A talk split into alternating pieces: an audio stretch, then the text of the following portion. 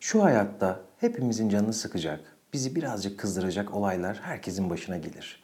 Ama bazılarımız böyle olaylar yaşadığı zaman o duygularının, öfkesinin kontrolünü elinden kaçırır. Ve böyle zamanlarda trafikte olabilir, okulda, iş yerinde, ailemize karşı, sevgilimize ya da eşimize, belki de çocuklarımıza karşı bambaşka bir insan oluruz. Zarar veren, ne söylediğini bilmeyen ve belki şiddet uygulayan bir insan. İşte böyle durumlarda uygulaman için sana bu videoda öfke kontrolünden bahsetmek istiyorum. Öfkeni kontrol edebilmen için yapman gereken şeylerden ilki öfkenin arkasındaki duyguları keşfedebilmek ve ayrıca senin öfkeni hangi durumların tetiklediğini bulmak. Öfke dışarı çıktığında sadece tek bir duyguymuş gibi görünür ama arkasında genelde başka şeyler vardır. Kişinin kendisini itiraf edemediği, kabullenmekten çekindiği şeyleri karşı tarafın yaptığı davranışlar ona hatırlatır ve kişi o an bir sıkışıklık yaşar. Yıllardır kabullenmek istemediği şeyleri birisi ona hatırlatmıştır. Ve bu duygulardan kaçmak için bir maske olarak öfkeyi kullanır. Karşı tarafa belki sözel olarak, belki fiziksel olarak saldırır. İşte öfkenin arkasındaki duyguya dokunmadığımız zaman, onların farkına varmadığımız zaman öfkeyi kontrol etmemiz mümkün değil. Yıllardır insanlarla çalışıyorum ve öfke kontrol problemi yaşayan insanların aslında bazı duygularını ifade etmekte ve kabullenmekte zorlandıklarını fark ettim. Bunlar çoğunlukla yetersizlik, aşağılanma ve değersizlik duyguları. Bunu yaşayan insanlar bu durumun farkında bile değiller çoğu zaman. Böyle bir durumu karşı tarafın yaptığı davranış kişiye eğer ki yetersiz hissettiriyorsa, aşağılanmış hissettiriyorsa, ya da değersiz hissettiriyorsa kişi öfke tepkisini ortaya koyuyor. Ve bu öfke tepkisini ortaya çıkartmak için çok büyük şeylere gerek yok. Bazen ufacık şakalar dahi insanda bu öfke tepkisini ortaya koyabiliyor. Mesela öfke kontrolü problemi yaşayan insanların birçoğu çok fazla alıngan. Çünkü o kadar kendilerini geniş bir alanda görüyorlar ki kontrol etmek zorunda oldukları geniş bir alan olduklarını düşünüyorlar. Oraya ufacık bir ayak bassa dahi bunu kendi kişiliklerine yapılmış bir hakaret sayıyorlar. Ne oluyor mesela? Bir arkadaşın sana dedi ki ya saç şeklin de amma acayip olmuş. Nerede kestirdin saçını? Ve sen o anda bunu sana yapılmış bir saldırı olarak algılıyorsun. Ciddi ve aşırı tepkiler veriyorsun. İşte ilk adımımız içerideki o kırgın tarafımızı, incinmiş tarafımızı keşfedebilmek. Neden yetersiz hissediyoruz? Neden her şey bize aşağılanmış hissettiriyor? Bunu kendimize itiraf edebilirsek o kontrol etmeye çalıştığımız kocaman arazi var ya onu biraz daha küçültüp aslında kendimizi daha rahat hissetmemiz mümkün. Öfkesini kontrol etmekte zorlanan insanlar öfke haricindeki diğer duygularını ifade etmekte zorlanırlar. Biri bir şey söyledi, canın mı sıkıldı? Onu orada söylemez. Biri seni üzecek bir şey mi yaptı ve sen kırıldın? Onu söylemez. Bekler. Belki de o an normal bir şekilde konuşmanın uygun olmadığını düşünür. Ama içeride bir yerde, bir kovanın içinde o duygular birikir. Sıklıkla öfke kontrolü problemi yaşayan insanlarda böyle bir durum ortaya çıkar.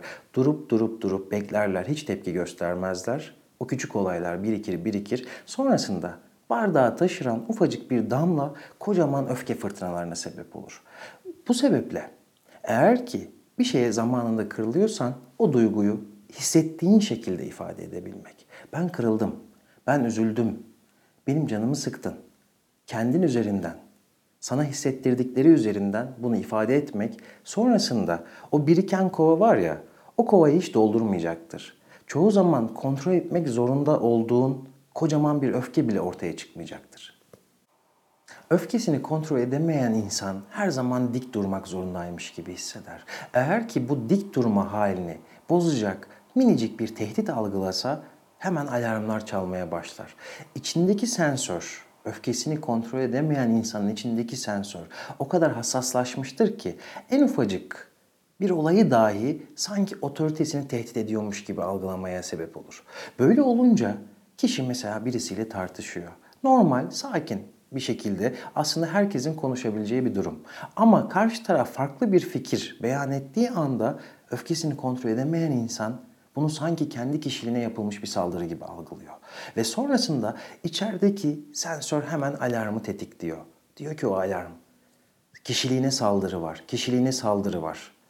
Ve kişi aslında olayın küçüklüğüne değil, kendi üstünde yarattığı etkiye tepki veriyor.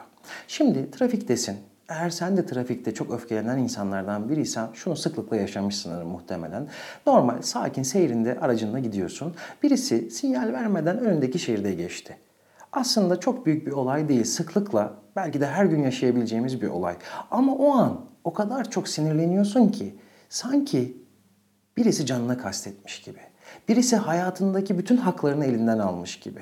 O insanı, önüne kıran insanı tanımasan dahi ona o kadar öfkeleniyorsun ki belki durum şu noktaya geliyor. Zorluyorsun, arkasından takip ediyorsun. ileride önüne kırıp sen de onu durdurup belki bir kavgaya kadar götürebiliyorsun işleri. Böyle olunca olayı bir inceleyelim tekrardan. Aslında hayatında hiç görmediğin bir insan. Çok büyük bir olay da değil yaşadığın olay. Trafikte her an başımıza gelecek şeylerden bir tanesi. Olayın kendisi mi bizi sinirlendiriyor yoksa o olayın bizde yarattığı durum mu? Ben şunu gözlemledim bu tip insanlarda. Öyle bir duruma maruz kalınca sanki kendi otoritesi sarsılmış gibi, altta kalmış gibi, rezil olmuş gibi, aşağılanmış gibi hissediyor. Ve tepkisi aslında onun aracı öne kırmasına değil de kendisinin bu duygularına karşı bir savunma ortaya koyması. Buna dikkat etmek, bunu yakalamak, öfkemizi kontrol etmek için çok önemli. Öfkenin arka planındaki duygulardan ve olaylardan bahsettim. Şimdi biraz da öfkenin çıkış noktasını anlatmak istiyorum sana. Öfkeyi bir termometre gibi düşün. 1 ile 10 arasında dereceleri olan bir termometre. 10 gelebileceğin en son nokta, öfkenin en ileri hali. 1 ise en sakin, en soğukkanlı olduğun zaman dilimi.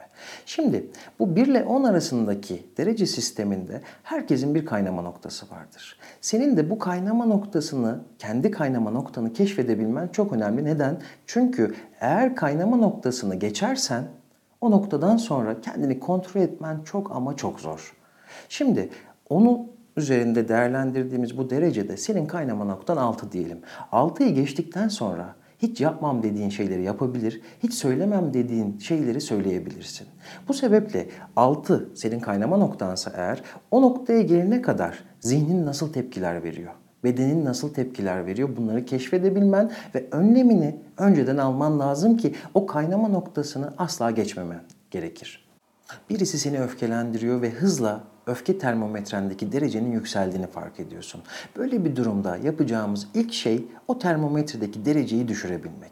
Yoksa işler kontrolden çıkacak, mantıklı davranamayacaksın. Belki karşındakine, belki de kendine zarar vereceksin. Diyelim ki bu tartışma hattında sıcak çatışmadan ilk aşamada dereceyi düşürmek adına uzaklaşmamız lazım. En klasik önerilerden bir tanesidir. İçinden 20'ye kadar saymak. Bir tepki vermeden önce.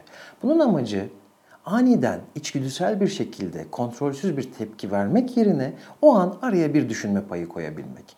Bir diğer yöntemse eğer karşı tarafta ya da ortam buna uygunsa o ortamı kısa bir süreliğine terk etmek. Bir balkona çıkabilirsin, başka bir ortama girebilirsin. Böyle olunca o termometredeki derece düşecek ve daha mantıklı tepkiler vermeye başlayacaksın. Bunun amacı o kontrol edilemez noktaya gelmeden dereceyi biraz düşürmek. Ama bu tek başına yeterli mi? Değil. Eğer öfke termometresinin derecesini biraz düşürebilmişsek ilk aşamayı kazasız belasız atlatmış durumdayız. Gelelim ikinci aşamaya. Birazcık daha sakiniz, birazcık daha mantıklı düşünebiliyoruz bu noktada. Yapacağın şey termometrenin derecesi düştükten sonra kendine bazı sorular sormak. Şimdi karşındaki insan ona sinirleneceğin, kendine zarar vereceğin ya da gününü mahvedecek kadar önemli bir insan mı? Çoğu zaman öfke kontrolünde zorluk yaşayan insanlar hayatlarının belki de yüz binde birini bile kapsamayacak bir insan için günlerini belki haftalarını mahvederler. Durmadan düşünürler, içleri içlerini bitirir, yer bitirir. Böyle bir durumda soracağımız ilk soru bu. Karşımdaki insan ona öfkelenebileceğim kadar önemli bir insan mı benim hayatımda? İkincisi bu öfke durumunda kazanacağım şey ne, kaybedeceğim şey ne? Bu anlamlı bir alışveriş olacak mı? Bu öfke işe yarayacak mı? Bunu sormamız çok önemli. Bir diğer şey ise öfke otomatik olarak ortaya çıkan bir tepki. Tamam, sakinleştik biraz. Öfkeden başka bu ortadaki sorunu nasıl çözebilirim? Uzlaşmak işime yarayabilir mi?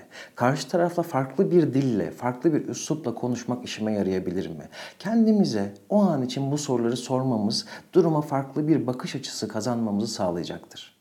Kontrol edilemeyen aşırı öfke hem kişinin kendisine hem de çevresine büyük zararlar verir. İşinde, okulunda, ailende ciddi sorunlar yaşamana sebep olur.